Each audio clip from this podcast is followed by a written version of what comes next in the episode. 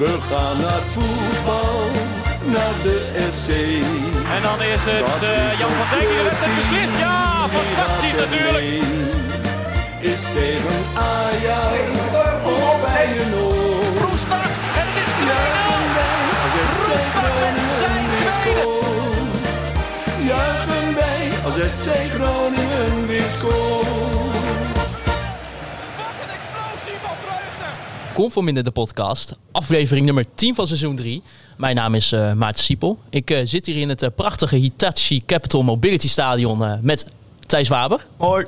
Wouter Rolsappel. Hallo. En de algemeen directeur van FC Groningen, Wout Gudde. Welkom. Goedemorgen, dankjewel. Even, dus de jaarcijfers zijn natuurlijk gepresenteerd afgelopen donderdag met een hele Q&A. Um, hoe is dat eigenlijk bevallen, nu je erop terug kan kijken? Nou, de manier van communiceren uh, denk ik goed, omdat het heel helder en duidelijk was. En ik vond het ook uh, fijn dat we daarna ook het hele verhaal uit hebben kunnen leggen. Niet alleen van de jaarcijfers, maar met name ook van de, de hele transferperiode. Omdat ja, die was heel lang. Hè? Die heeft volgens mij een maand of zeven geduurd. En ja, in die transferperiode wordt heel veel gespeculeerd altijd. Um, uh, en heel veel aannames gedaan. Dan is het denk ik goed dat met name onze technisch directeur ook gewoon zijn verhaal kon doen. En dat we ja, eigenlijk alle vragen die gesteld werden, dat we, dat we daar ook gewoon antwoord op hebben kunnen geven. Dus uh, ja, volgens mij was het wel voor herhaling vatbaar. Ja, want, want hoe kwamen jullie eigenlijk zo op het idee? Ja, we hadden natuurlijk uh, de presentatie van het beleidsplan staan eigenlijk op de achtste. Maar ja, toen kwamen de, de verscherpte coronamaatregelen, kon het niet doorgaan. En je merkt gewoon dat er bij, bij steeds meer voetbalclubs komt er een druk op te staan van met name de buitenwacht die veel sneller en veel eerder aan informatie uh, komt. En ja, dat, wij vinden dat we daardoor ook veel sneller die informatie moeten kunnen geven. En toen hebben we gezegd, nou als we dan niet de beleidsplan kunnen doen waar je misschien ook nog met met een hoop uh, uh, presentaties uh, een kijkje achter de schermen kan geven, laten we dan in coronatijd een online Q&A organiseren. En ja, nogmaals, volgens mij is het wel goed bevallen. Ja, want ook als we kijken naar de reacties, tenminste wat ik allemaal op social media las, kreeg ik vanuit supporters ook al heel veel ja, positieve reacties op het, de Q&A. Ja, ik heb die reacties allemaal niet gezien omdat ik niet op Twitter en, uh, en zo zit. Maar ik begreep wel van, uh, van Richard en van Edwin en van Frank uh, dat mensen het in ieder geval konden waarderen. Dus nou, dat ja. is volgens mij alleen maar een teken dat we dat, dat, we dat nog vaak kunnen doen. Ja, wat was, alleen, wat was Flederis veel aan het woord? Ja, maar ja, die had ook misschien wat meeste uit te leggen, toch? Want een transferperiode van zeven maanden, ja, en met alles waar wij mee bezig zijn geweest, vond ik het logisch. En nou ja, de, het laatste tweetje wat hij in de transferperiode deed was misschien niet het meest handige tweetje. Ja. Dus van daaruit was het ook slim, denk ik, om nog een keer, uh, om, om nog een keer uh, terug te blikken op alles. Ja, want we, daar wouden we het eigenlijk ook even over hebben. Nog over het tweetje van uh, Mark-Jan Verderes. Ja, voor de mensen die het misschien niet hebben gezien. Mark-Jan Verderes uh, plaatste op de laatste dag van de transfermarkt een tweetje. Um, Thijs, ja. wat was jouw eerste reactie op dat tweetje? Het tweetje was dus dat de laptop kon dicht. Ja. Romane Postema wordt verhuurd aan FC Den Bosch. We zijn klaar voor vandaag. Ah, ik, ik, had me er in principe al wel een beetje bij neergelegd dat er, dat er niks meer zou komen. Toen kwam er ineens, uh, kreeg ik allemaal mensen in de app die zeiden... nee, er komt toch nog wat, er komt toch nog wat. En toen, uh, ja, toen kwam dat tweetje. Ja, ja, eerste reacties dan natuurlijk teleurgesteld. Maar ja, ik, had ook al hier en daar een beetje gehoord wat voor jaarcijfers eraan zouden zitten komen. Dus op zich vond ik het wel te verantwoorden dat er geen speler is gehaald. Uh, ja, maar op dat moment natuurlijk een heleboel mensen, waaronder ik, niet in bezit van die informatie. Ja, dan denk je. Uh, ja, voor, dit is... Vooral in bezit van heel veel emotie. Ja, wij, Want wij, uh, wij, ik dacht van, ah, is toch een leuk tweetje om even nee. de dag af te sluiten. Nou, dat werd niet gewaardeerd. Nee, maar kijk, wij zitten wel een klein beetje in de communicatie allemaal. En wij zeiden ook tegen elkaar, ja, dit is natuurlijk qua PR niet handig. Want dan, dan heb je onder een deel van de aanhang heerst een bepaald sentiment. Ja, en als je daar op, op die manier uh, op inspeelt, dan, ja, dat pakt niet goed uit, denk ik. Maar ik denk dat dat intern ook wel uh, naar buiten is gebracht. Ja, ik wil nog even reageren, want dat heeft niks te maken met de jaarcijfers dat wij uiteindelijk geen speler hebben gepresenteerd. Er is gewoon een, een, een, lijst met spelers. Nou, en is inmiddels geen geheim meer. Uh, ja, daar ga je een waarde voor bepalen. En die waarde, daar wil je door onderhandelingen op uitkomen. Ja, als je daar niet op uitkomt, dan, dan moet je dat, vind ik, ook niet uitgeven. Ja, ik, ik bedoel meer Alleen, dat, dat zeg meer maar... het sentiment was gecreëerd dat wij nog verwacht, dat wij nog spelers wilden gaan halen. En dat wilden we eigenlijk ook. Alleen het moesten allemaal directe versterkingen zijn. En het liefst ook als we spelers eh, zouden halen, dat, ja, dat we ze ook in de toekomst weer beter kunnen maken en, en eh, zouden kunnen verkopen. En als we dat niet zouden kunnen doen, dan gaat altijd de voorkeur uit naar eigen spelers die er nu al zijn. Ja, nou ja, wat, wat ik probeerde te zeggen met betrekking tot die jaarcijfers is... eh, ik merkte qua sentiment zeg maar, bij de mensen die heel erg op het... waarom halen we geen spelen, er is versterking nodig... dat op het moment dat die jaarcijfers naar buiten kwamen... dat iedereen zei, oh, maar dan snap ik het ineens wel. Dus ja, ik, ik, ik denk dat je... Als je er achteraf op terugkijkt, en dat is natuurlijk makkelijk... eh, ja, wel kunt zeggen van was maar gewoon stilgebleven... had maar gewoon geaccepteerd ja, dat er wat mensen eh, met vragen zouden zitten... Maar ja, dit, dit was denk ik Ik denk dat we beter gewoon een bericht hadden kunnen eh, plaatsen met gewoon verteld wat we op deadline eh, hebben gedaan. Ja. En Ja. dan was het Ja. beter geweest. Want het is niet zo dat we, dat we om tien uur s ochtends eh, uit de neus hadden gegeten. Sterker nog, we waren met vier, vijf transfers tegelijk bezig nog de dag daarvoor. Alleen uiteindelijk is het allemaal niks geworden. Ja, dat gaat ook wel. Ja, en en die je- krijg je allemaal niet mee als supporter. En dus hadden we dat misschien nog ook beter kunnen vertellen. Ja, maar je, ja, je, wat je gewoon ziet is een, een foto van een, van een leeg bureau met een dichte laptop en een technisch Ja. directeur die zo lachend zijn duim opsteekt. Ja, Ja. Ik snap wel dat dat bij een aantal mensen, eh, waaronder ik, ik ga ook niet ontkennen dat ik eerst ook dacht, "Maar wat doe je nou? En mensen kregen toch ook nog een beetje de hoop dat er misschien toch nog wat kwam door de, door de knipoog die erbij zat. Dus mensen van, ja, eh, lukt het nog, weet ik veel, komt er nog om half elf nog even een tweetje eruit van, nou, bij wijze van spreken, Haroui, we hebben hem binnen. Ja, Maar ik, en ik denk ook, ik blijf zeggen dat het misschien een, echt een dom tweetje was. Want ehm, wat, je bij de, nee, maar wat je bij de supporters proefde, was toen heel veel frustratie. En de dag daarna kwam het artikel uit eh, in Dagblad van het Noorden met Mark-Jan Verderes. En toen ontving eh Mark-Jan juist heel veel positieve reacties. Van, oh, oh kijk, ik heb zo ook echt zit het dus heel in veel mensen gezien die toen zeiden, die gewoon echt onder hun eigen tweet naar Mark Jan toe van wat doe je nou? De dag later van, oh ik heb net het artikel gelezen, ik begrijp het eigenlijk wel, sorry. Ja, maar dat, dat was dus het nogmaals, ook. wij hebben dan eh, denk ik het sentiment op die avond even niet goed ingeschat. dat is een fout. En daar hadden we beter het artikel wat in Dagblad stond eh, in een korte versie zelf kunnen vertellen. Ja, want is het ook zoiets nog wat, wat jullie dan bijvoorbeeld met z'n tweeën bespreken? Ook vooraf en misschien ook achteraf? Nou, ik zat zat niet op Twitter, dus ik had dit allemaal niet meegekregen. Want ik denk toen hij het tweetje plaatste, lag ik al rustig eh, op de bank. Want ik wist uiteindelijk in de middag wel dat er niks meer ging eh, gebeuren. Ehm, en de dag daarna kwam hij naar me toe en zei: Ja, ik heb een tweetje geplaatst eh, waar nogal veel reacties op zijn gekomen. dus toen ben ik dat terug gaan kijken. Toen zei ik: Ja, dat is misschien ook niet het meest handige geweest. Nou, daar was hij ook al snel achter. Ik zeg maar, we hebben vanavond toch QA. Dus eh, ja, dan begin je toch om dat te vertellen dat het niet zo slim was. Nou, ja, precies. Dat is gedaan. Ja, Ja. nee, helemaal goed. Ja, jullie kiezen ook met de Q&A ervoor om, om transparanter te zijn. Ehm, waarom doen jullie dit? Ja, nogmaals wat ik net al zei, er leven heel veel mensen eh, mee met voetbalclubs. En ik vind hier is misschien nog een extreem. Hè. Ik, ik blijf erbij dat dit echt nog steeds een, eh, een volksclub is. Misschien wel een soort eh, volksclub 2.0, hè, waar alles bij elkaar komt. Of nou boeren, studenten zijn of wat dan ook. Maar heel veel mensen komen veel sneller aan informatie. Er wordt veel meer geschreven.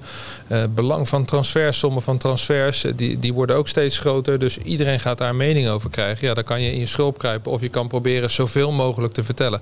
Ik denk niet dat een voetbalclub transparant kan zijn. eh, omdat als je alles vertelt wat je doet, eh, dan ga je jezelf ook eh, in je voet schieten met bijvoorbeeld transfers. Hè. Want nu op dit moment is alleen HROI bekend, maar we zijn met veel meer spelers voor die positie bezig geweest. Ja, als je dat gaat vertellen, dan worden andere clubs misschien ook wakker. Dus dat kan niet. Maar ik denk wel dat het heel goed is dat we zoveel mogelijk proberen te vertellen. Waar ligt dan die grens?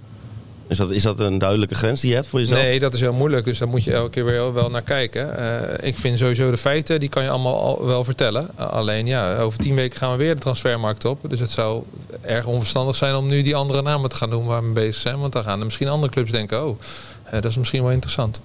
Ja, of de zaakwaarnemer of de andere club denkt van... oh, ze willen hem zo graag. Nou, Ja. dat is goed. Ja. Dan doen we er nog even wat bij. Ja, Dat, dat ja, zou kunnen. Ja. denk ook dat niemand, ik denk ook niet dat mensen die vorm van transparantie willen. Tenminste, dat, dit snappen ze mensen, denk ik. wel. Ja, dat verwachten ze niet, denk ik. je bijvoorbeeld dat nu er... eh, ja, het, het was natuurlijk voor iedereen op te zoeken eh, hoe hoog de schuld is van FC Groningen. Want het staat gewoon in de KVK-registers in principe.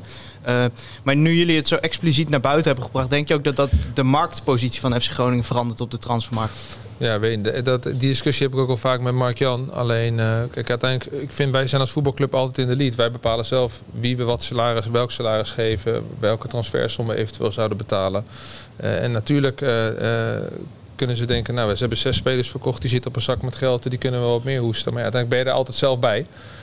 Ehm, dus ja, ik, ik denk niet dat dat heel erg meespeelt in de voetbalmarkt zelf. Maar denk je niet bijvoorbeeld, nou ja, er is uiteindelijk 11,4 miljoen uit mijn hoofd eh, aan transfers binnengekomen Bruto, over het ja. afgelopen jaar bruto.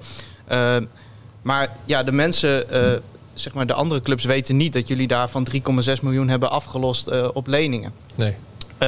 Is dat dan niet voor koop, verkopende clubs zoiets van ja, jullie hebben 11 miljoen liggen, kom maar met die centen. En met een, als je aan tafel zit, dan zeggen we dat ook dan gewoon. Hè? Ja, nee, ja nee, ik snap dat wel, maar ik, ja, Ik, je kunt wel zo zeggen, maar ik denk, nou, bij, wij zitten natuurlijk niet aan zo'n onderhandeltafel. Nee, maar dat spel is mooi. En dan moet ik zeggen, wij hebben wat dat betreft denk ik een heel bijzonder getalenteerde te- technisch directeur. Die dat spel, eh, ondanks dat hij het nog niet zo lang doet, echt, echt in zijn vingers heeft.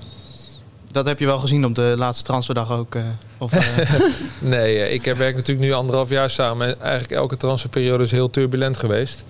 Eh, en we hebben zoveel aan tafel al samen gezeten. Ja, dan zie je snel genoeg of iemand er feeling mee heeft, ja of nee. Maar daar kan ik wel bevestigen dat, we, dat je daar geen zorgen moet maken. goed. Waar, waar merk je dat dan aan? Ja, hij kan heel goed schaken. Eh, dus ehm, je, je merkt dat hij een aantal stappen vooruit kan denken. Dat hij goed sentiment in kan vullen. Wij vullen elkaar ook aan. Hè. Ik, ik ben, nou, braver is misschien niet het juiste woord, maar wat... En netter trouwens ook niet, want het lijkt Mark-Jan niet netjes. Maar Mark-Jan is wat meer een ratje. Eh, en ik niet. Dus nee, wij- dat is wel netjes. ja. ja, in de goede zin van het woord, want Ja, die heb je wel in deze wereld nodig. Eh, en wij zijn ook eh, ja, tegenpolen van elkaar en dat vult elkaar gewoon goed aan. Ja, nee, maar duidelijk. Nee, jullie hebben ook de jaarcijfers gepresenteerd vanuit FC Groningen Beheer BV. eh, de moedermaatschappij van FC Groningen BV. Ja. Om eh, eigenlijk met die totaalcijfers een reële beeld te geven van de financiële situatie van FC Groningen. Ehm, ja, daarbij viel ook natuurlijk vooral die lening van eh 10 miljoen op. Die, dat bedrag eigenlijk. En in, de, in het eh, artikel van het Dagblad van het Noorden eh, zei je dat je ook geen afbreuk wilde doen aan het goede werk van jouw voorgangers en hun prestaties. Maar eh, door het jaarverslag zo te presenteren, impliceer je dan juist niet dat je het niet eens bent met hoe dat eerder werd gepubliceerd? Nee, helemaal niet. Omdat uiteindelijk toen zijn er keuzes gemaakt om uiteindelijk ook weer het beste sportieve en financiële resultaat te houden. En er is ook helemaal niks mis mee met geld uit de markt te halen. Alleen, en ik weet zeker dat dat ook het doel is geweest, je geld uit de markt haalt, probeer je eh, in ieder geval dat terug te verdienen, maar liever nog wat meer, dat je uiteindelijk zelf je eigen kapitaal kan laten groeien. En waarom wij vooral dit hebben gedaan, is dat het voor ons een soort nulmeting is. Want wij merkten dat eh, de beeldvorming over de financiën van de club anders waren. Je hebt Doan verkocht, Mamicevic, Sierhuis verkocht, Zeefuik verkocht. Waarom haal je in hemelsnaam geen vijf nieuwe spelers? Eh, nou, A, gaat het altijd om kwaliteit en beschikbaarheid. Maar ja, we zijn ook niet zo kapitaalkrachtig dat we die kwaliteit die we verliezen direct terug kunnen halen. En door het nu zo te vertellen, weet iedereen, oké, dit is de situatie.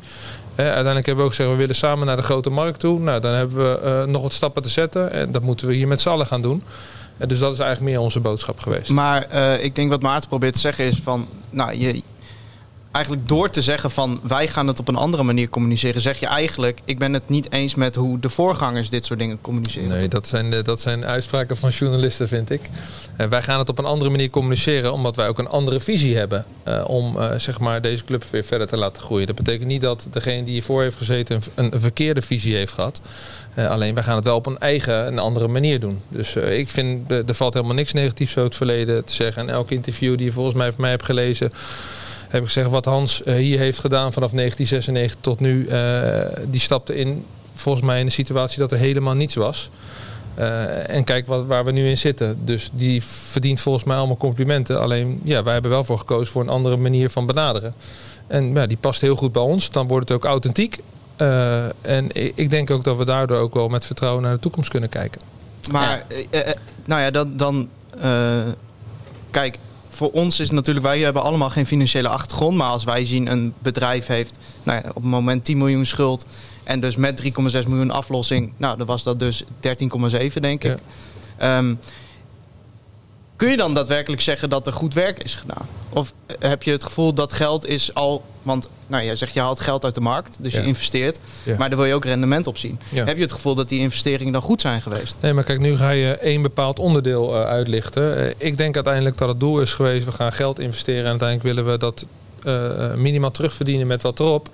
Nou, dat is niet gelukt, maar volgens mij moet je iemand beoordelen op het overal beleid wat er is gevoerd. Ja, Ja, maar het, het, het heeft er wel voor gezorgd dat jij nu op elke euro 30 cent afgedragen hebt. Elke euro transferinkomsten heb je het afgelopen jaar 30 cent afgedragen aan die leningen die in het verleden zijn gemaakt. Dat is weer per deal afhankelijk. Alleen wij moeten inderdaad meer afstaan. Alleen ja, dat, nogmaals, dat is een bepaald gedeelte. Uh, uh, en ik vind, je moet iemand beoordelen op alles. Kijk, als wij de illusie hebben nu met een nieuwe directie dat wij hier alles goed gaan doen, dan kan ik je nu uit de droom halen. Wij Ja, gaan ook heel veel Wat ik fouten probeer maken. te zeggen, dat is nu 3,6 miljoen die je nu niet kunt besteden aan het verbeteren van de selectie of een grotere buffer inbouwen. Nee, maar dat klopt. eh, Maar zonder dat geld hadden we ook Doan weer niet kunnen halen. Dus ja, dat blijft natuurlijk elke keer eh, het moeilijke. Als jij zo'n speler wil kopen en je hebt geen geld, ja, dan kan je twee dingen doen. Of je laat de speler gaan, of je gaat geld uit de markt halen eh, en, eh, en je gaat hem wel kopen. Alleen de voorwaarden waartegen je dat doet, daar moet je denk ik wel goed over nadenken. En het kan best zijn dat er hier een bepaalde tijdsdruk is ontstaan toen. En, en dat er daardoor misschien een deal is gemaakt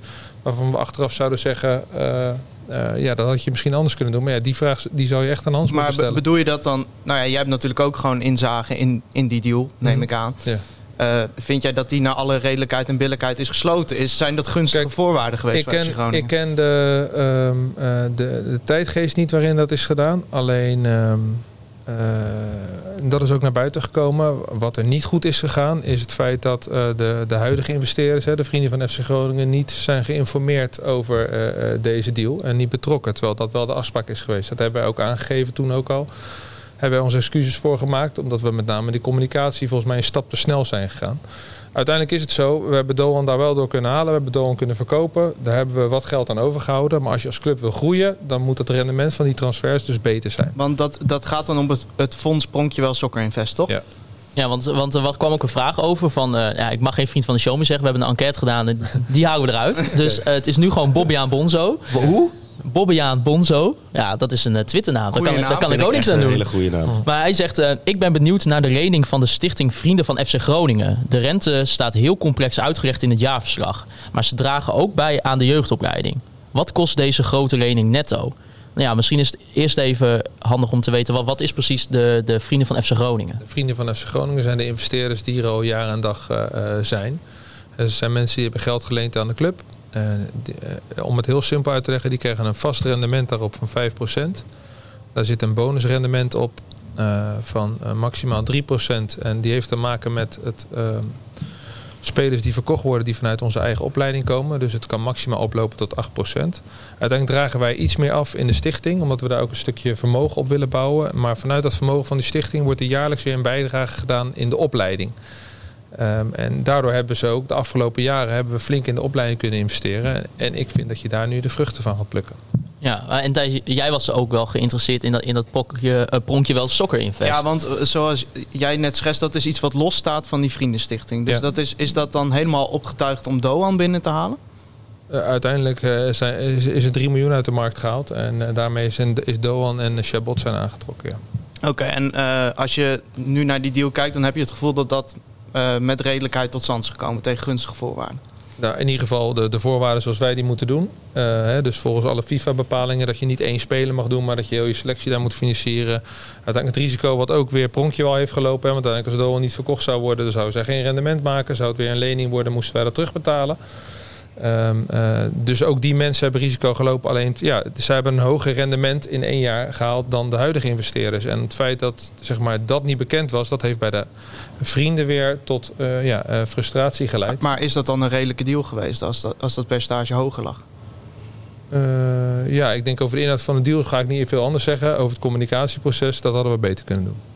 Ja, want zo'n zo'n deal dan. Maar is dat ook iets wat op een moment dat, nou in dit geval PSV interesse toont, dat er zeg maar eh, druk komt op de leiding om hem te verkopen? Nee, er is helemaal geen enkele druk geweest. Nee, oké, dat Nee, nee. ja, ja, ik kan het Ja, niet mooier maken voor je, sorry. Nee, ja, nee, Als je een heel sensationeel eh, verhaal wilt horen. Maar duidelijk. Nee, ik heb geen één investeerder Nee. eh, in die hele periode aan de lijn gehad. Nee, ik, eh, ik, ik was niet op zoek naar sensatie, maar ik, Nou. weet je, kijk, zo, nee, want eh, zoiets staat heel abstract in een Ja. jaarverslag. In Ja. het jaarverslag van, denk twee jaar geleden, stond dat ineens, Pronkje wel Soccer Invest. En daar ben ik toen naar gaan kijken van hoe zat dat in elkaar. Maar het is wel fijn om eh, een keer te horen hoe het, hoe het zit, zeg maar. Want het, het is... Ja, maar het is het ook, is- als, maar je, dit is als je ook- jaarcijfers presenteert en er staat ineens 10 miljoen. Kijk, iedereen met een KVK-inschrijving kan gewoon die cijfers ophalen. En gewoon zien, oh ja, 10 miljoen. Kan Ja. iedereen. Kan jij, kan ik, kan iedereen. Ja. Maar als je gewoon supporter bent en je komt gewoon elke week naar het stadion en je vindt wel wat, maar ook niet zoveel. En je hoort ineens 10 miljoen. Dan moet je dat wel even uitleggen natuurlijk. Ja. Want dat is wel dat is concreet. Dat is niet meer abstract. Nee. Dus ik denk dat daar ook heel veel... Nou, sowieso, dat, Dat, is even dus een proces waar je doorheen Kijk, moet natuurlijk. Ik denk dat het eh 10, 15, 20 jaar geleden gingen mensen bijvoorbeeld niet in de jaarverslagen helemaal duiken. Was alles niet openbaar. Gingen eh, bepaalde media niet zo diep in op, op de financiële situatie van de club. Dus da- daarom kan je maar beter alles zelf vertellen. En dat hebben we ook gepoogd nu te doen. En, eh, Dan eh, eh, ook, ook weer een stuk betrokkenheid natuurlijk. wa- wa- wa- hè? Dus die kritiek die je dan, of die, dus dat scherpe oog wat je ziet, is ook wel een stuk betrokkenheid. Wat ook wel mooi kan zijn. Nee, maar dat maakt deze club toch juist eh, uniek, vind ik. Daar leeft het heel erg. Er zijn heel veel mensen bij betrokken. Dus ja, als er wat gebeurt, ja, dan, dan weet je ook dat het veel impact heeft. Eh, Zo'n zo'n stichting, zo'n constructie dus met 5% rendement en wat stijgt op het moment dat een speler uit eh, de eigen opleiding wordt verkocht. Zit daar een soort einde aan aan zo'n periode of loopt dat oneindig door? Nee, het is een, het is een lening. Dus het einde is op het moment dat wij de lening aflossen. Ja, en dat doe je met dat rendement of dat, Nee, dat rendement komt nog over de... nee we ja, hebben jaarlijks eh, de intentie om elk jaar een half miljoen af te lossen. Ja. Dat hebben we ook afgelopen jaar gedaan. En waar is die andere 3,1 miljoen naartoe gegaan dan? Eh, je bedoelt eh, de lening van de Euroborg NV is dat? Ja. dus het, zijn, het is niet één lening van 10 Nee, miljoen nee, nee, euro. Het is een lening die we hebben bij de vrienden van de FC Groningen. En het is een lening die we hebben bij de Euroborg NV. En eh, dat was een grotere lening. Die is voor een gedeelte gebruikt om eh, te investeren in het Top Source Centrum. Is inmiddels ook al afbetaald. En het andere gedeelte is gebruikt om een, een eerdere eh, investeringsfonds met een hoger rendement af te lossen. Waardoor we zeg, nu minder rente betalen. Dus die is voor de club voordeliger geweest. Want dat was ook een fonds nog naast Stichting Vrienden van FC Groningen dan?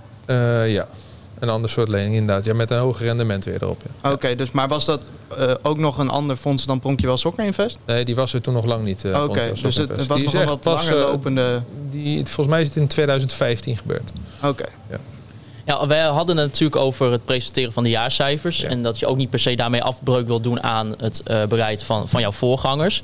Maar het is natuurlijk niet per se alleen het presenteren van de, van de jaarcijfers. We kunnen dit eigenlijk wel veel breder trekken. Als we bijvoorbeeld kijken dat de vorm van de directie is veranderd. Eh, er is afscheid genomen van Robert Klaver. Eh, veranderingen in de structuur van de commerciële afdeling. Hattrick Media is verkocht. Ehm, de horeca is volledig opgekocht. Als, als iets zeg maar heel goed is, dan, dan pas je dat niet zo heel gauw aan, zou je zeggen. Maar dat is misschien met mijn simpele gedachte. Dus als er structureel zoveel veranderingen plaatsvinden in deze nou, vrij korte tijd binnen, binnen FC Groningen, ehm, dan er zat er toch. to- Dan wa- was er toch best wel veel wat niet goed zat binnen deze. Je blijft, je blijft maar doorgaan. Kijk, mijn antwoord Nee, maar, het- nee, nee, dat Nee, snap ik. Maar nee. het is eh, Het heeft voor, voor de buitenstaander. Voor de buitenstaander. Maar het heeft allemaal te maken met de visie van uiteindelijk degene die de club leidt. Eh, nou ja, en, en die visie is een heel, hele lange tijd anders geweest dan dat die nu is. Alleen je moet het eens omdraaien. Stel je voor dat of de vorige directie of ik iets zou doen waar je eigenlijk niet achter staat. Dan weet je van tevoren al dat het geen succes is. Eh, kijk, uiteindelijk is er, eh, hebben we wel allemaal dezelfde uitgangspunten. Zoveel mogelijk omzet binnenhalen om uiteindelijk zoveel mogelijk aan voetbal uit te geven. En ervoor te zorgen dat Groningen in, vinden wij, in de subtop eh, speelt. Nou, daarvoor hebben we omzet nodig. Ja, en de manieren waarop je tot omzet kan komen, ja, die inzichten die verschillen heel erg. Maar dat betekent niet dat het ene niet goed is en het andere wel goed is. Ja, uiteindelijk zullen we over een aantal jaar kijken of het hele trek wat wij hebben gedaan hier met z'n allen, of wat goed is. En als het niet goed is, ja, dan, eh, dan, dan, dan zullen wij dat ook eh, naar buiten gaan vertellen. En dan zullen, we daar, eh, dan zullen we daar ook mee moeten leven. Maar Ik denk niet dat we vandaag uit zijn mond gaan horen dat er iets slecht is aan de Nee, voorkant. maar daar ben ik ook maar- niet- maar ben ik ook dat- niet- Dan zou ik ook liegen, want dat vind ik ook echt. Nee, maar dat is ook niet, helemaal niet de intentie. Maar ja, misschien kan Thijs dat beter uitleggen. Nou, maar, maar snap je waar deze vraag vandaan komt? Zeg maar? Als ik je- snap vanuit je- supportersoogpunt heel erg, omdat, omdat heel veel mensen die bij de club betrokken zijn veel minder informatie hebben. Alleen ik heb die informatie wel. En nou, ondanks dat ik, mijn leeftijd nog niet zo eh, ver- is, ben ik ook al 18 jaar onderdeel van de voetbalwereld. Dus ik weet hoe het werkt. En ik weet ook vanuit journalistiek oogpunt eh, dat er naar gekeken wordt. Oh, in het verleden hebben ze dit en dit gedaan. Nu doen ze heel veel dingen anders. Nou, dat zal dan wel niet goed zijn geweest. Nee, het is simpelweg een andere visie. eh, die beide kunnen leiden tot Rome. Ja, nou ja, je hebt natuurlijk het, het Engelse spreekwoord... don't fix what not, what's not broken. In heel mooi oud-Nederlands. Maar ja, hoe zou je daar nu naar kijken? Want je, je hebt toch wel een aantal structurele dingen veranderd. Ja, maar we hebben ook een aantal dingen gewoon gelaten zoals het is. Kijk maar naar de opleiding. Eh, die is echt van een heel hoog niveau. Ik durf wel te zeggen dat wij bij de top 5, top 6 opleidingen van Nederland eh, behoren. Hebben ze fantastische investeringen in gedaan. Top het zorgcentrum. Eh, de manier waarop spelers bij ons kunnen gaan werken is ook van top 5, top 6 eh, eh, niveau. Dit stadion, als je van binnen kijkt, ik denk dat er weinig stadions zijn die beter zijn dan, eh, eh, dan dit eh, in Nederland. Dus er zijn ook heel veel goede dingen. Alleen ja, nu komt door het jaarverslag de nadruk te liggen op dingen die wij anders willen gaan doen. En anders betekent niet altijd beter. Nee, nee, nee. Dat, oké, Net zoals eens. dat als je vijf spelers haalt op de laatste dag van de transfermarkt, dan zie ik heel actief, ik noem maar eh, een club. Ja, dat zegt niks hè, als je vijf Nee. spelers haalt op een slotdag. Kan heel goed zijn, maar hoeft niet. Nee, nee, nee. Oké, oké. Nou, ik denk dat het ook een beetje er vandaan komt. Daar hoef jij verder ook helemaal niet op te reageren. Dat bij ons drie een beetje het gevoel heeft van... Ah, volgens mij had het uh, onder Hans had ook wel drie jaar eerder afgelopen mogen zijn. Gewoon even eerder die frisse winter door, zeg maar. Dus Nou, dat mensen die wat langer naar deze podcast luisteren, die weten wel dat ik er zo in sta. Ja. inderdaad. ja, goed, dat- ik snap wel dat als je daar dat je er niet per se naar beneden wil trappen of naar achteren wil trappen of zo. Maar. Maar het- kijk, ik, ik snap het vanuit jouw oogpunt ook. Dit, dat, je hebt er ook niks aan als je naar onder gaat trappen. Want je moet gewoon het vizier nu vooruit zetten en jullie eigen visie gaan uitwerken. Ook als we dat niet doen, daar heb je daar niks aan. En nogmaals, ik zou. eh, ik vind dat Hans, en dat heb ik ook al meerdere malen gezegd, een grote pluim heeft verdiend van 1996 tot 2019. Je moet iemand die algemeen directeur is bij een voetbalclub beoordelen op de hele beleidsperiode. Dat is gewoon goed geweest. Duidelijk. Ja, mooi dat we het zo zeggen. Nee, ehm, eh, in de Q&A wordt ook onder andere gezegd dat eh, iedereen communiceert vaak de bruto transferopbrengsten, maar men vergeet vaak dat het bijvoorbeeld niet gelijk de dag daarna op de rekening staat, et cetera. Hebben supporters daardoor ook een beetje een te hoog verwachtingspatroon, ook bij FC Groningen? Ja, het is gewoon moeilijk te begrijpen. Kijk, eh, uiteindelijk eh, betalen heel veel clubs in termijnen. Eh, je kan ook al die termijnen weer voorfinancieren. hè. Dus dan hou je ze ergens op en dan moet je weer een bepaald rentepercentage betalen. heb je het weer eerder op de, op de bank staan. Alleen het is heel vaak zo dat als je een transferbedrag op, eh, op voetbalprimeur leest, dat, dat is vaak het bruto transferbedrag. Houden ze geen rekening met solidariteit, met afdracht aan vorige clubs, met eh, afdracht aan zaakwaarnemer en speler, met eventuele eh, investeringsfondsen die bij, ook bij meerdere clubs zijn. Dus de beeldvorming is heel snel. Oké, je hebt 8 miljoen op je bank eh, voor, voor, voor die en die speler. Waarom ga je geen 8 miljoen uitgeven? Ja, vaak blijft daar veel minder van over. Daarom hebben we ook nu laten zien wat wij met die 11,4 miljoen hebben gedaan. Ja. En hoe is dat eigenlijk in eh, verhouding tot andere clubs in de Eredivisie? Hoe, nou, er wordt een bepaald percentage eh, besteed aan transferinkomsten of aan uitgaven. Ja. Volgens mij 2,1 miljoen.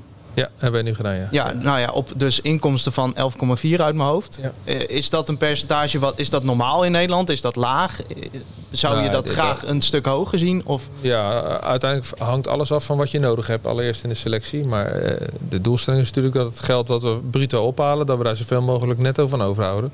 En dat we dus ook uiteindelijk meer in de selectie of in voetbal kunnen investeren. Het gaat niet alleen om een selectie, het kan ook wel zijn dat we daar de keuze maken om de scouting of de performance tak of de opleiding verder uit te gaan breiden. Omdat we verwachten dat op, op toekomst, in de toekomst uiteindelijk betere resultaten op het veld meeneemt.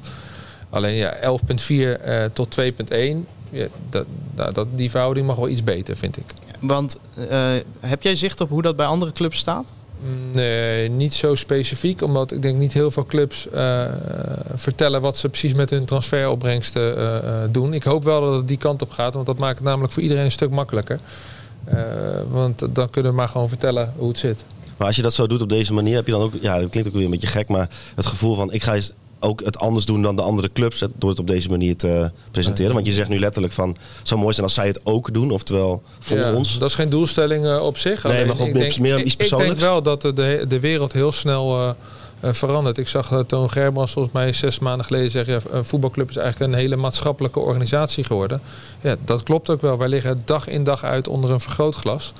Eh, en- het wordt... Ja, misschien, eh, ik weet niet of doofpot het juiste ding is, maar er was wel een hele tijd hè, dat je be- nou beter maar niks vertellen en hopen dat er niemand achterkomt. Ja, die- kans wordt steeds kleiner, want uiteindelijk gaat iedereen overal achterkomen. Dus kan je maar beter goede en minder goede dingen gewoon vertellen. Ja. Want dan Eh. heb je natuurlijk ook controle over op welk moment het naar buiten komt, hoe het naar buiten komt Ja. en hoe je het zelf. Want anders loop je natuurlijk constant eigenlijk achter nou ja, de media of andere mensen die dingen naar buiten brengen aan. Ja, alleen nogmaals, wij kunnen als voetbal, geen enkele eh, voetbalclub kan transparant zijn. Nee, maar dat, dat, Dus eh, clubs die dat roepen, ja, ik, ik geloof die in ieder geval niet. Want eh, hoe zit dat precies met betrekking tot eventuele overheidssteun in de toekomst? Is dat ook iets wat vanuit de overheid wordt teruggecommuniceerd van ja, wij willen wel steunen in deze tijden, maar er moet er wel meer openheid komen over wat er binnenkomt. Ja, hangt vanaf. De NOW NOE-regeling is gewoon voor elke onderneming in Nederland uh, toegankelijk. Hè. Er zijn gewoon spelregels bepaald en daar kwalificeren wij ons ook voor. Dus daar kan je steun krijgen. Uiteindelijk is er voor de voetbalclubs zouden eventueel ook nog een soort uh, balie zijn in Den Haag. Uh, waar je met leningen eventueel de club overeind kan houden als dat nodig is. Ja, dan zou je al je informatie weer open moeten gaan gooien. Want het is niet de bedoeling dat je dan geld gaat lenen, vervolgens spelers gaat kopen. Dat maakt het natuurlijk ook meteen heel lastig. Ik bedoel, het, uh, de kern van wat je hier doet is op dat veld ja. 11 tegen 11 uh, spelen. Als, je geen, als je geld nodig hebt, als je, omdat je het anders niet redt. Ja. Maar je kunt dat niet in het, op het veld kwijt. Dan kun je alsnog degraderen. Dan heb je er dus nog niks aan. Nee, dan, dat hebben we natuurlijk ook gelijk vanaf het begin gezegd. Ook in mei toen wij helaas die ontslagronde moesten doen. Dat wij blijven investeren op het veld. En uiteindelijk hebben wij nu ook nog steeds een budget dat we uit kunnen geven in de winter of in de zomer daarna. Ja, alleen de vraag is even, hoe lang gaan wij zonder publiek spelen? En, en wat gaat dat betekenen? Hoe groot gaat de steun zijn die wij van supporters en sponsors wederom uh, gaan krijgen dadelijk? Ja, die is essentieel uiteindelijk in de stappen die je als club uh, gaat maken dadelijk. Want over die NOW-regeling van... Heeft, of heeft FC Groningen um, het hele bedrag daarvan behouden? Bijvoorbeeld door de massale afzien van de compensatie en dat er toch best wel veel ook goed is gegaan qua financiën, ondanks de coronacrisis. Hebben jullie dat hele bedrag kunnen behouden of moeten jullie ook straks weer een, terug, een deel terugbetalen? Nee, vanuit de NOW hebben wij het eerste bedrag gewoon gekregen. Je krijgt volgens mij 80% uitbetaald en die andere 20% gaat naar de verantwoording. Volgens mij zijn ze daar nu mee bezig, maar dan moet je Mark-Jan de Bander een keer in deze podcast ja. uitnodigen. Want, ah, vond dit al, vind dit al wel technisch genoeg? ja, ik weet niet of je dan al je kijkers of je luisteraars verliest.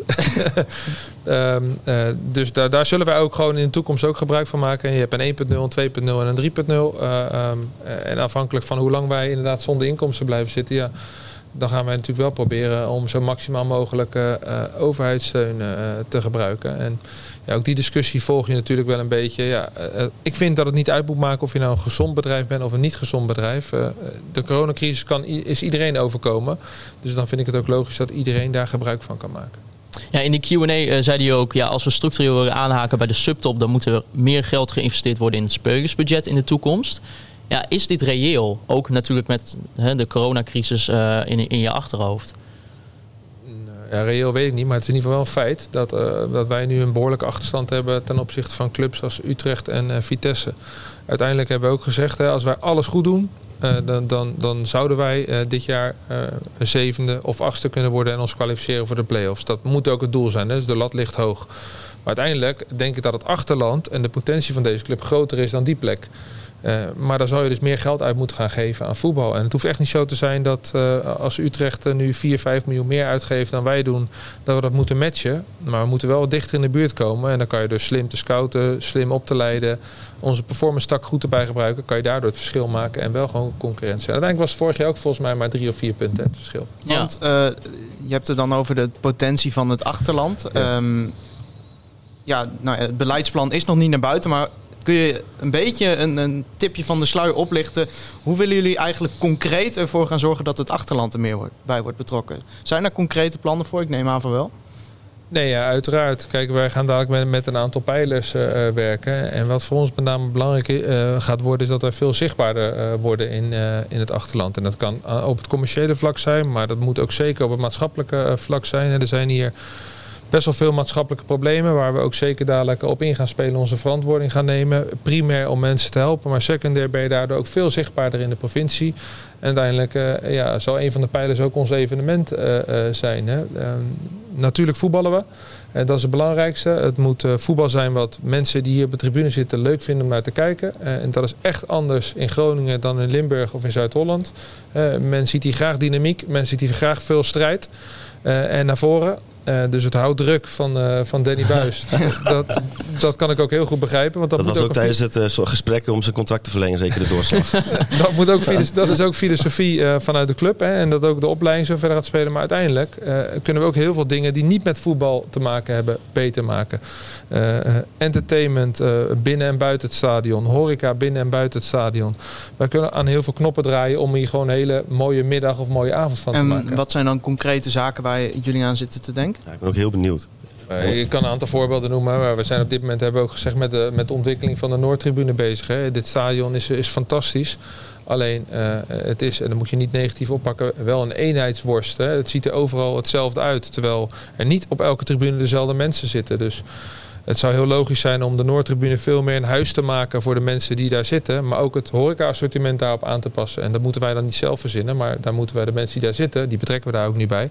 De ruimte geven om aan te geven, nou misschien geen M&M's meer, maar veel meer bier en worst. Maar eh, even voor de goede orde, want dat, dat plan zou eigenlijk al gepresenteerd zijn mocht corona niet bestaan hebben. Ja. Dus eh, eh, de ideeën zijn er al. Dus ik neem aan dat jullie niet gaan wachten met het uitvoeren van die ideeën tot Kijk, je plan intern, intern heeft. gaan wij deze week eh, verder. En, en wat je ook, wij gaan daar een richting geven. Ons beleidsplan wordt een richting. Dus je kan dan precies zien waar wij ons op in gaan zetten. Maar de uitvoering daaronder en het bedenken van plannen, ja, dat blijft. Ja. En natuurlijk gewoon hier op de werkvloer. En als er een plan komt, ja, dan gaan we dat weer communiceren en delen. Zoals bijvoorbeeld de ontwikkeling van de Noordtribune. Maar ik kan nog wel even een eh, behoorlijk eh, stevig kritisch punt op dat eh, beleidsplan. Want er Ja. staat namelijk samen naar de grote markt. En nu ben ik ook nog een lokale eh, journalist bij de lokale omroep. En nu eh, zijn ze dus bezig om die grote markt om daar bomen neer te zetten. En een fontein en allemaal bankjes en zo. Ja. Dus ik weet niet of het wel de goede, goede keuze Wat is. gaan we naar de vismarkt dan? Ja, de- ja, misschien, Stadspark? ja. Stadspark weer. Weet toch niet, meer mensen op. Ja, ja. Anders ja. dan worden ze, hebben we zo meteen weer... Maar dan dat- gaan we via de grote markt. Dat is goed. Stadspark. Maar dat, die, dat die bomen omgehaald Ja. worden en zo. Want ja, Ja. ik bedoel, eh, als je een prijs wint, dan kan, kan alles kapot. Ja, ja nee, dat mag ik niet zeggen. Maar laten we hopen dat we die discussie een keer kunnen voeren. Ja, precies.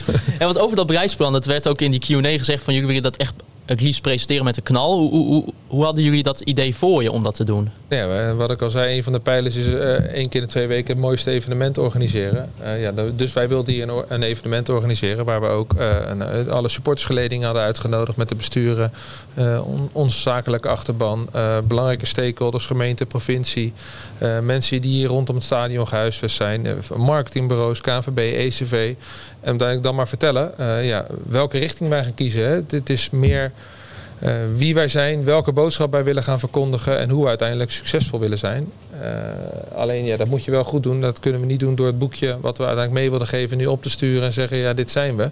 Dat moet je ook wel eh, laten zien. En uiteindelijk ga je dat terugzien dadelijk hè, in, in de social media, hoe wij dat gaan doen. Ja, uiteindelijk zal je daardoor, ja, hoop je zeg maar wat meer een...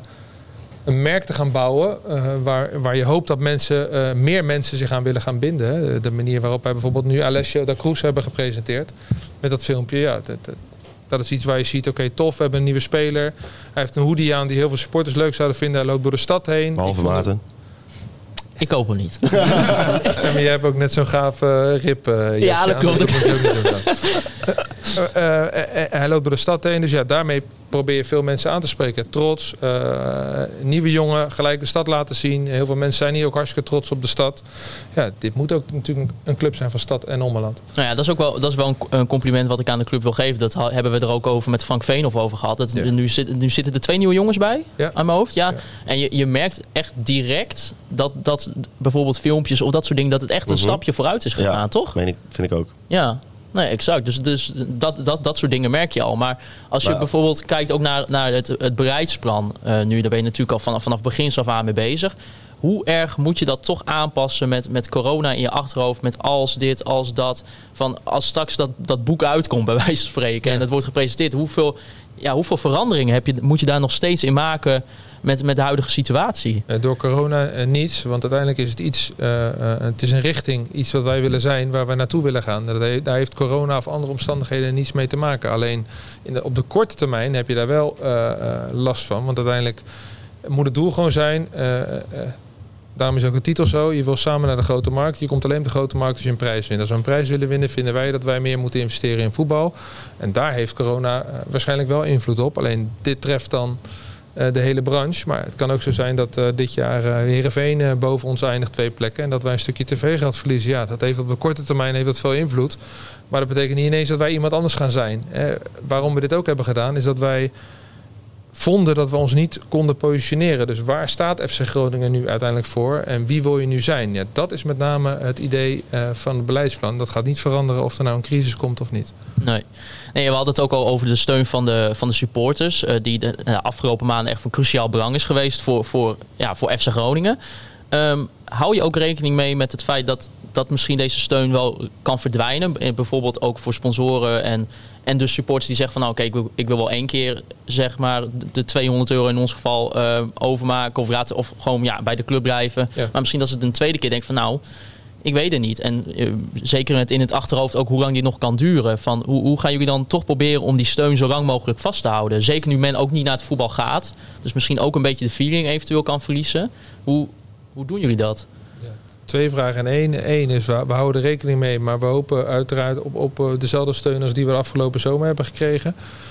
Ja, en, en twee is, wij moeten zorgen in ieder geval voor heel veel binding. Eh, nu, je kan niet naar het stadion, dus wij moeten proberen zoveel mogelijk te laten zien hè, van, van wat wij doen. Nou, daarom is denk ik ook zo'n Q&A een hartstikke goed voorbeeld. Hè, want ondanks dat je er niet bij kon zijn, eh, je niet dadelijk tegen Utrecht die in het stadion kan zitten, hebben wij denk ik wel een inkijkje kunnen geven in de filosofie achter bijvoorbeeld de samenstelling van de selectie. Eh, content kan daar heel erg aan bijdragen eh, eh, die wij doen. En ik denk ook zoveel mogelijk open en vertellen wat we doen. Ja, dat, gaat helpen. En uiteindelijk hoop je, en dat denk ik eerlijk gezegd ook, dat clubliefde hier heel diep zit. En, en dat wij uiteindelijk, als wij dadelijk ons beleidsplan gaan, gaan lanceren, dat mensen enthousiast worden van oké, die club, dat is mijn club, die ga ik helpen. Ik wil uiteindelijk ook dat plekje op die grote markt hebben. Dus ik ga er alles aan doen om ervoor te zorgen dat deze club dat gaat, gaat bereiken. En ik heb daar wel een goed gevoel bij. En over die compensatie, die kwam een vraag binnen van eh, Ivo Nieborg. Die eh, vroeg zich af hoeveel supporters eh slash seizoenskaarthouders hebben dit jaar ook al aangegeven dat ze geen compensatie willen ontvangen. Zijn er al wat cijfers over bekend? Er zijn geen cijfers over bekend. Wij krijgen daar voldoende verzoeken over. Alleen uiteindelijk hebben we ook daarvoor gekozen om het aan het eind van het seizoen de rekening op te maken. En wij zijn nu uiteraard al aan het bedenken, oké, van stel je voor het zijn zoveel wedstrijden, het zijn zoveel wedstrijden, wat gaan we dan doen? Eh, want ja, we hebben nog een extra uitdaging erbij gekregen. We hebben natuurlijk veel meer seizoenkaarten verkocht. Dat is een grote kans. En die mensen willen we niet verliezen. Die willen we juist ervoor zorgen dat die in het stadion blijven. Want of je op 9.500 of op 12.500 begint, ja, dat is nogal een verschil voor ons. Ja, nee, precies. Ja. En eh, Bert Sportel die vroeg zich af, nou, vanuit de club wordt er veel meer contact gezocht met de achterban. Is dit een direct gevolg van de coronacrisis of was dat daarvoor ook al het plan? Nee, dat was daarvoor ook al het plan. Ja. Maar toch kan ik wel voorstellen dat door de coronacrisis en die hele actie laat ons weer eens samen juichen en alles wat erbij is komen kijken. Ja, dat is de stichting.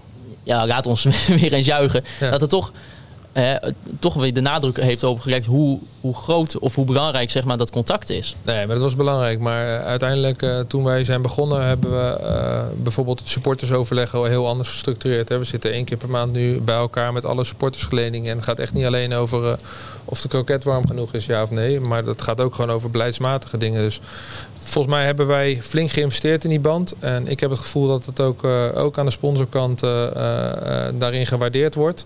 Ja, en, en dan is het mooi om te zien dat je in de zomer zoveel steun krijgt. En dat hebben we ook al meerdere malen geroepen. Dat moeten wij natuurlijk nooit vergeten. En, en ook niet als het dadelijk weer de bomen tot eh, aan de hemel dreigen te groeien. Dat we dan lui worden en weer gaan afwachten. Eh, Zo'n seizoenkaartcampagne als we afgelopen jaar hebben gehad, dat moet eigenlijk de standaard zijn.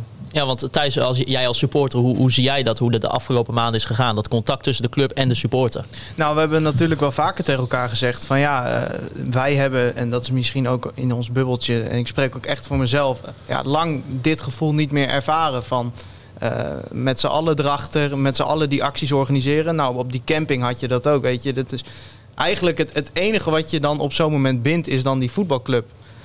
Maar het gaat niet eens alleen over het voetbal op zo'n moment. Dus ja, ik denk wel dat dat iets is, inderdaad, eh, een, een, een, een sentiment wat heel veel meer mensen zouden kunnen voelen. En wat de club zeker op de lange termijn een heleboel op zou kunnen leveren. Dus ik, ik denk dat inderdaad op het moment dat jij in een beleidsplan echt naar identiteit gaat kijken. En naar ja, welke positie neem je in in de samenleving.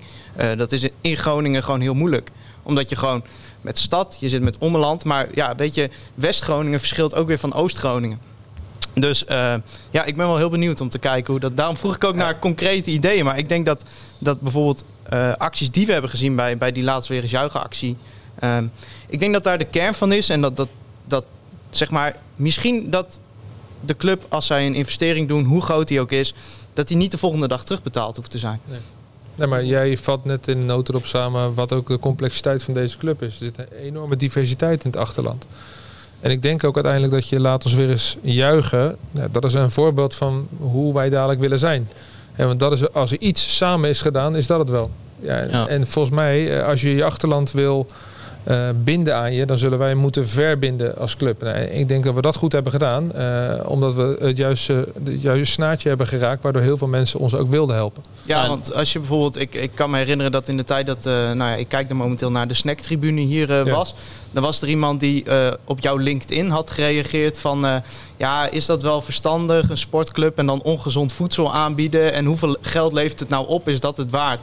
Dat jij ook zei van, ja, ehm, het levert misschien niet veel geld op, maar het feit dat mensen weer naar het stadion kunnen, dat is ons meer waard dan dat het ons direct geld oplevert. Eh, ik, ik kan me niet eens meer herinneren, sorry. Maar eh, Ja. nee, die- reactie kan ik me niet meer herinneren. Nee. Maar ik weet wel dat de snacktribune, inderdaad, wij hebben gezegd, en dat hebben ze bij onze horecaafdeling fantastisch gedaan. Eh, ja, we, we hebben een stadion dicht, maar we mogen nog wel wat dingen. Wat gaan we proberen? Ja, en toen kwam dat idee eruit. Nou ja, los van dat we heel veel exposure hebben gehaald, eh, merk je ook heel snel hier, als je een initiatief doet wat slaagt, worden mensen hier extra trots. En eh, ja, dat was toen ook. eh, uiteindelijk, als je even logisch nadenkt, je gaat op, op, je, op je vrije zaterdag naar het stadion toe in de rij staan hier om een patatje te halen, te, te zitten op het stoeltje, En naar kijken niks naar kijken. niks. Ja, Dat, dat hebben wij ook geconcludeerd. Ja, ja. Dat, is, dat is best bijzonder. Maar heel veel mensen hebben het toch gedaan. Dus dat, dat geeft ook weer dat, dat die club voor heel veel mensen ja, gewoon veel betekent. Nou, eentje die ik erin zou houden, los van of corona er nog wel of niet is, is dat op de middenstip gefotografeerd worden met je kleine. Dat is, Ja. eh, daar was ik een bij. Dan, ja, die vaders met hun zoon, eh, die Ja. eh, staan bijna te janken op de, ze voor het eerst dat veld maar, op Wat denk je van de diploma-uitreikingen, hoeveel Ja, we die hebben gehad? Dat maakt niet uit of je corona hebt of niet. Eh, wil je nou je diploma krijgen in een stoffige aula of eh, hier op de Ja. middenstip? Ja, nee, zeker. Ja. Nee, en, en, en wat je ook benoemt, het, het raken van die, van die juiste snaar, dat, dat is gewoon de afgelopen zomer gebeurd. Tenminste, ik durf voor mezelf te spreken dat in eh, deze zomer dat ik me nog nooit zoveel supporter heb gevoeld van FC Groningen als op dat moment. En misschien ik- is dat voor jou dan ook zo, Thijs? Nou, ik, ik, ik herinner me bijvoorbeeld het moment van eh, dat, dat Arjen Robben werd. eh, nou, dat werd bekend. En ja, dat is Waar was jij natuurlijk wel- dat heb ik al honderdduizend keer. dat is wel een, natuurlijk een heel extreem voorbeeld. En eh, het is natuurlijk alles wat je daarover zegt, is inmiddels ook wel een beetje cliché. Maar ik, ik, ik weet nog wel dat toen hadden we echt zoiets van. We moeten ergens heen om dit met iedereen te gaan delen. Dus wij riepen eerst tegen elkaar: zullen we naar het stadion toe of zo? En daar dan gewoon heen. En Ja. dan kijken we wat er gebeurt. Nou, toen dus eh, ging het rond. Ja, we gaan, we gaan in de kroeg zitten. Maar dat ik toen echt in de bus ben gestapt met een FC Groningen shirt aan. Nou, dat zie je mij bijna nooit doen. Nee. Want dat is ja, als, als, als ik iets van sport doe, gebeurt niet heel vaak, dan trek ik een Groningen shirt aan. Maar dat zou ik ja, nooit, zeg maar, gewoon in een dagelijks leven dragen. Maar dat ik ineens dacht, ja, ik moet nu gewoon een Groningen shirt aan. Ja. En, en dat gevoel, denk ik, dat is wel iets wat ik, ja, ik denk bekerfinale en misschien het winnen van de play-offs, maar ook niet. Ja. Dat is natuurlijk, en ja, Rob is natuurlijk, je gaat niet elke, elke zomer zo'n dag, zo'n actie, zo'n, eh, zo'n, eh, ja, groot iets Nee, voor elkaar het krijgen. zou heel knap zijn, maar de, de verwachtingen Ja, moeten wel op- een beetje reëel Op een gegeven blijven. moment zijn, de zijn de ex-spelers op wereldniveau ook op natuurlijk. Ja. Maar eh, Zijn er nog wat over? ja, ik heb nog een lijstje. Maar eh, ja, ik, ik denk wel dat dat gevoel ja, is. En dan, als ik ook om mij heen kijk, mensen... eh, ja, ik zal zijn naam niet noemen, maar die kwam ik begin dit seizoen... bij de derde thuiswedstrijd tegen bij de Waterloobar. En die zei, ja, ik heb vanochtend de seizoenkaart uit mijn envelop getrokken. Ja, ik wilde eigenlijk niet heen. Ja, ik denk, ik heb toch maar verlengd, maar... eh, Ja. ja, en toen kwam die actie en die heeft de vijfjaarkaart gehaald. Ja. En die zei ook van, eh, oh, ik wil allemaal dingen doen. En eh, ja. posters ophangen en zo. Ik, ik denk dat je, dat je, ja, tenminste in onze bubbel, die snaar wel geraakt hebt. En ik, ik denk dat dat, als je op social media kijkt, dat dat voor meer mensen geldt. Ja, daar zit ik niet echt op. Nee. ik, ik voel ook zelf wel hier dat we dat later de cijfertjes ook zien. Maar ik, je voelt ook wel dat, eh, hè, dat men ja, graag wil helpen om samen te gaan bouwen. En eh, ja, daar zullen we ongetwijfeld ook nog wij als club en wij als directie ook nog eh, genoeg dingen verkeerd in gaan doen. Maar dan is het denk ik juist hier heel belangrijk. En dat vind ik wel een vergelijkbaar in Rotterdam. Dan kan je maar beter zeggen eh, wat je verkeerd hebt gedaan dan dat je het voor je houdt. Dat is hetzelfde als zeg maar, hoe jullie met de tweet van Mark-Jan Vladeres uiteindelijk zijn omgegaan. Ja, ja. Ja, je merkt toch dat, dat de betrokkenheid dan bij de club echt groter is geworden. En dan eh, waren er toch ook wel mensen die zich zorgen maakten over eh, het feit dat je ook bij de Q&A zei van... nou, als we aan het einde van het seizoen, en het gaat zo dat we echt niet meer met publiek gaan spelen... dan lijkt het water net onder de lippen te staan. ja. Als st- stel voor, corona duurt nog anderhalf jaar, twee jaar, ik noem het maar op... van die periode daarna, die zomer daarna en het begin van dat seizoen... van hoe heftig kan die periode dan zijn in concreet opzicht voor FC Groningen? Nee, ja, daar, houden we niet vol. En daar kan ik een heel mooi verhaal gaan halen, maar daar moeten we ergens steun vandaan eh, gaan krijgen. Ik ben heel blij met wat er de afgelopen zomer is gebeurd. Hè. We zeiden toen ook al geluk bij een ongeluk. Dat we eh, eh, spelers hebben verkocht eh, en daardoor ook eh, in eh, onze eh, kastpositie een stukje beter zaten. Alleen als, als dit nog een jaar duurt eh, en we trekken de zomer van volgend jaar die eraan komt ook nog bij en een stukje begin van het nieuwe seizoen. Maar dan, dan denk ik dat de eredivisie uit eh, vier tot zes clubs eh, bestaat. zonder hulp. Dus de- dan zullen we hulp moeten gaan zoeken. Ja, want het, schijnt ook dat er een aantal eredivisieclubs echt wel op omvallen staan als het zo doorgaat. Ehm, he- bespreken jullie dat ook met andere clubs onderling? Nee, ja, dat vindt men moeilijk wel om te delen. Ehm, dat is misschien een stukje waar ik net met Wouter ook weer op, terugkwam. Ja, ik zie daar zelf wat minder problemen in dan, eh, ehm, dan misschien hoe, hoe men gewend is eh, dat te doen. Ja, wij hebben nu gezegd, wij, wij denken dat we het eh, qua cashflow vol kunnen houden tot aan, tot aan mei. Eh, maar dat betekent ook dat we daarna helemaal niks meer kunnen. Ehm, ehm, dus ja, en- dat is de situatie. En ja, daar ben ik best wel blij mee. Want uiteindelijk, acht maanden geleden, eh, toen het uitbrak, dacht ik, nou, pff, als we niet geholpen worden, dan, dan zitten we in oktober, november al met dit probleem. Ja, precies. Dus door, door de, de alle financiële steun die er is gekomen, dan Ja. ja. hou je, ben je nog eigenlijk best wel positief nu dus. Ja, ja, ja, ja, uiteindelijk zijn we verder gekomen dan acht maanden geleden, ja. Ja. En er waren ook nog een aantal eh luisteraarsvragen. Ik pak ze er gewoon even bij. Ehm, zo was er bijvoorbeeld even kijken. Ehm, Milan Forsten die vroeg zich af. Zouden jullie ook een doek zien op de Noordtribune tijdens wedstrijden eh, gemaakt door bijvoorbeeld de harde kern? We hebben zien in- natuurlijk hier de doeken die over de lange zijde zijn geplaatst. Is, is, is, zijn er ook nog ideeën voor geweest om misschien ook over de, nou, de Noordtribune een doek te doen? Ja, zeker. Eh, onze eh, supporters eh, liaison officer, een smerig woord. Matthias eigenlijk gewoon. SLO. eh, Ja. SLO, ja. ja. Dus onze Matthias die, is daar in gesprek over ook met, eh, met de mensen die dat, eh, dat doen. Dus ik hoop dat het tegen Utrecht ligt, maar de, de laatste status weet ik niet. Ja, ik heb er ook nog even wat over. Want ik zie daar eh, de, eh, de vlag hangt, eh, ligt op het eh, eh, stadion van de stad. Ja, Nu heb jij gezegd, we willen weer van stad en ommeland worden. Ja. Heb je enig idee hoe de vlag van het ommeland eruit ziet? is die geel? Nee. Oh. Ja, als ik hem laat zien, dan ik heb hem even Oh, opgezocht. laat me zien. Dan ga je misschien wel een beetje schrikken. Oh, nou, laat me zien. Dit is dus echt zo. Nee, eh, schrijf We zitten momenteel echt- tegen nee. Dit is echt zo. aan te Ik ga even de anekdote vertellen hoe ik erachter ben gekomen. Eh dus een Nee, hele die gaan we triest- niet- is gaan een niet- trieste aangelegenheid. Want er is namelijk iemand laatst tegen dat eh, Jan Evert Scholten monument aangereden in het Stadpark. Dus daar moest ik heen om even een verslag van te maken. En toen zeg ik tegen die gozer van de gemeente die erbij stond, ik zeg... Wat doet die Friese vlag daar op dat eh, monument? Hij zegt, dat is geen Friese vlag, dat is van de Ommelanden. Ik zeg, wat? Ja, Maar het schijnt dus dat die pompen, blaren die erop zijn, hebben een andere vorm. Dus eh, Oh, het lijkt heel erg, in ieder geval. ik, Ja. ik, zou, ik zou het niet ophangen. Voor de beeldvorming. eh. Je weet het nooit. Is er over die, ja, nu wordt het wel heel specifiek, maar die tekst, niemand krijgt het noorden klein. Is daar ook over nagedacht wat er zou gebeuren als Ajax met 6-0 van ons had gewonnen? Ja, maar nogmaals, dan is het. Dan ga, dan ga je, dan ga je- die hadden we dan nog niet kunnen plaatsen, omdat we die week daarvoor hadden verloren van Twente. Eh, Ja. dus ja, eh, volgens mij komt dit uit het clublied. Ja, Eh, nee, en is zeker. het iets waar wij heel trots op, eh, op, op zijn, eh, op het noorden. Nou, dus- uiteindelijk he- heeft het goed uitgepakt. ja, ja, ja. Beetje bluff. Maar is, Ja. dat, is, dat, is dat nog intern voorbij gekomen? Van, nee, helemaal niet. Dit is gewoon ook iets waar, waar, waar wij ook wel graag mee willen communiceren. Een van de dingen. nou ja, ik vind sowieso alles communiceren met clublied ben ik altijd voor. Ja, leuk. En over het stadion ook, eh, Bas Bouwman, die vroeg zich af... eh, zijn er ook plannen om een deel van de eh, Z-site om te bouwen tot een staattribune? Dat is natuurlijk ook een beetje met, met het zoeken van identiteit per tribune. Zou dat ooit een optie zijn? Om een deel van het Wij gaan dat allemaal zelf niet bepalen. Dus de rol die wij op willen nemen is faciliteren. Eh, wij zullen dan waarschijnlijk ook de rekening moeten betalen. Maar uiteindelijk moeten die ideeën komen van het supportersoverleg wat wij zo hebben neergezet. En de mensen die daar zijn, die staan daar, die moeten hun huis bepalen. En als dat een staattribune eh, moet worden en zij willen dat eh, en wij kunnen dat betalen, dan, dan zullen we dat doen. Je kan ons bellen. Hè? Je, ik bedoel, eh, wij kunnen altijd de input geven, ook via de podcast. Dus dat is helemaal geen enkel probleem. En dan hadden we nog over de jeugdopleiding Nick FCG. Die vroeg zich af, FC Groningen heeft een goede jeugdrichting lopen. Die op het moment ook eerste staat in de onder 21 competitie. Mocht FC Groningen eerste worden, willen ze dan promoveren naar de tweede divisie, indien mogelijk? Of willen ze in de onder 21 competitie actief blijven? Eh, wij hebben aangegeven dat we willen promoveren. Ja, maar de tweede divisie. Is, is, zou dat ook eh, bijvoorbeeld, want je ziet dat natuurlijk ook met Jong Ajax, Jong AZ, zou dat Hè, mocht het ideaal zijn, ook, ook het traject willen wat jullie zouden willen?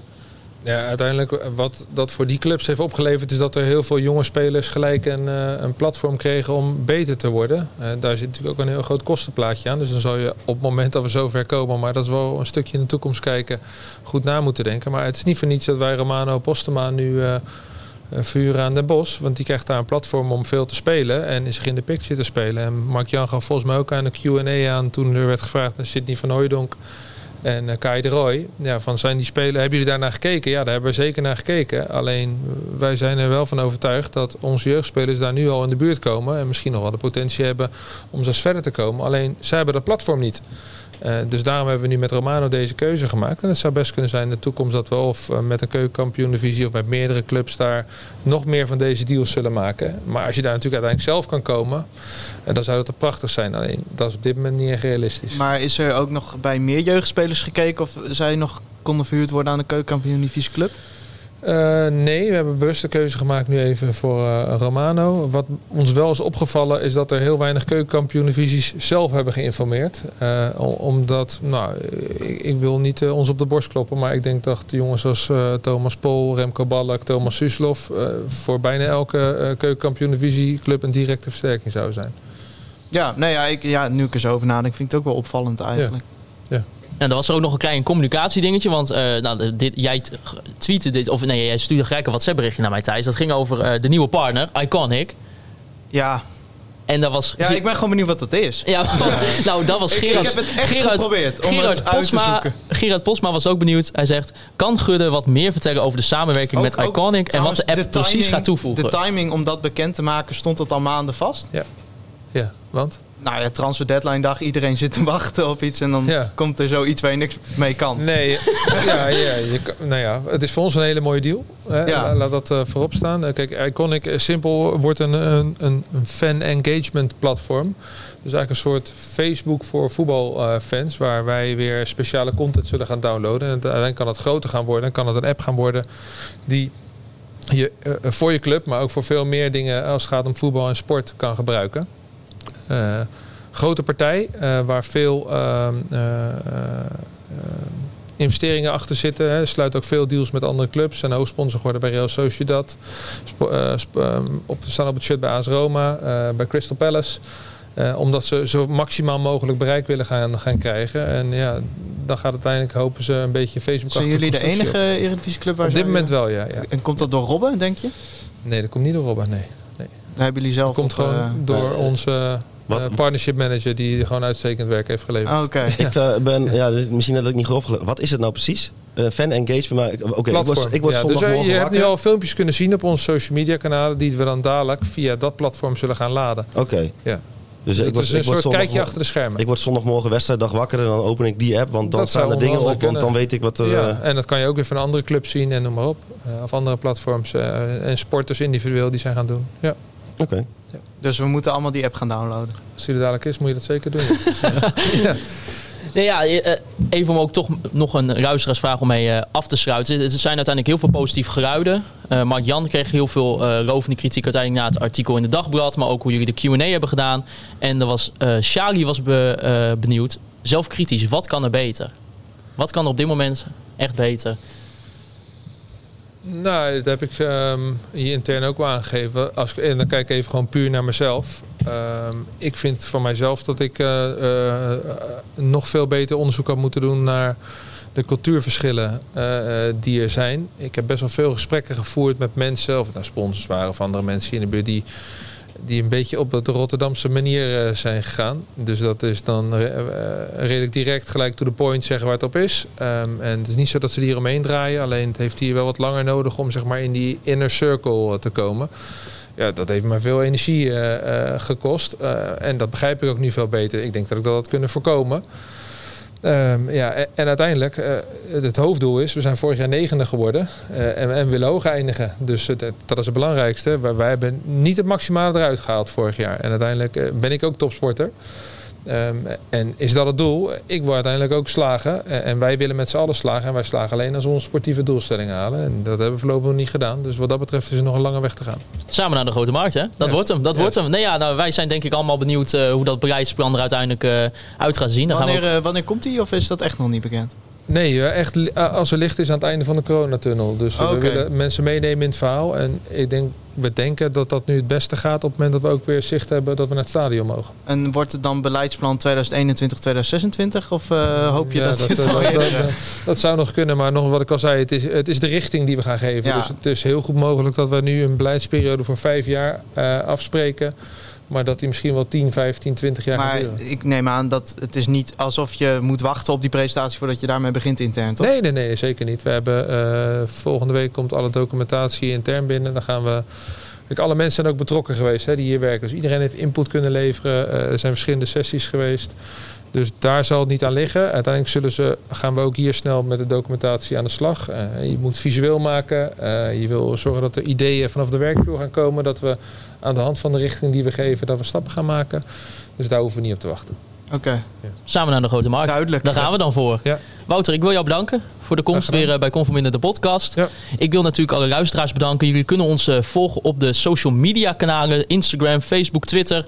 Eh, volg ons ook even op Spotify, Soundcloud en Apple Podcasts. Laat er ook even een, eh, weer een, re- een recensie achter natuurlijk. Ja. Want dat vindt Thijs leuk. Ja, dat is goed, Hebben we geen voor, nieuwe? is goed voor de algoritme. Ja, we hadden zeker een nieuwe. Dat doen we die volgende week. Nou, er was geen eh, geschreven berichtje bij. Oh, volgens mij. Trouwens nog even één huishoudelijke mededeling. Eh, als je nog luistert, ER Bulthuis, jij hebt wat geld in onze eh fooiepot gedaan. En met het bericht erbij, zie de mail. Maar stuur het even naar de goede e-mail. Ik weet niet hoe ik je verder kan bereiken. Ik kon je nergens vinden. En wat is die e-mail? Info at Het belangrijke, wat was het bedrag? Dat was hoog genoeg om dit te benoemen. Helemaal goed. Nee, jullie kunnen mij persoonlijk volgen op Twitter. Maarten Siepel, Thijs Faber en het Holzappel. Ja, Wout Gudde alleen op Instagram. Wouter Gudde. Ik wil Free Westerhof en Mar Pepping natuurlijk nog bedanken voor de intro en outro muziek. En als laatste jullie, de luisteraars, bedanken voor het luisteren naar Conforminder, de podcast. Juichen wij als FC Groningen weer scoort.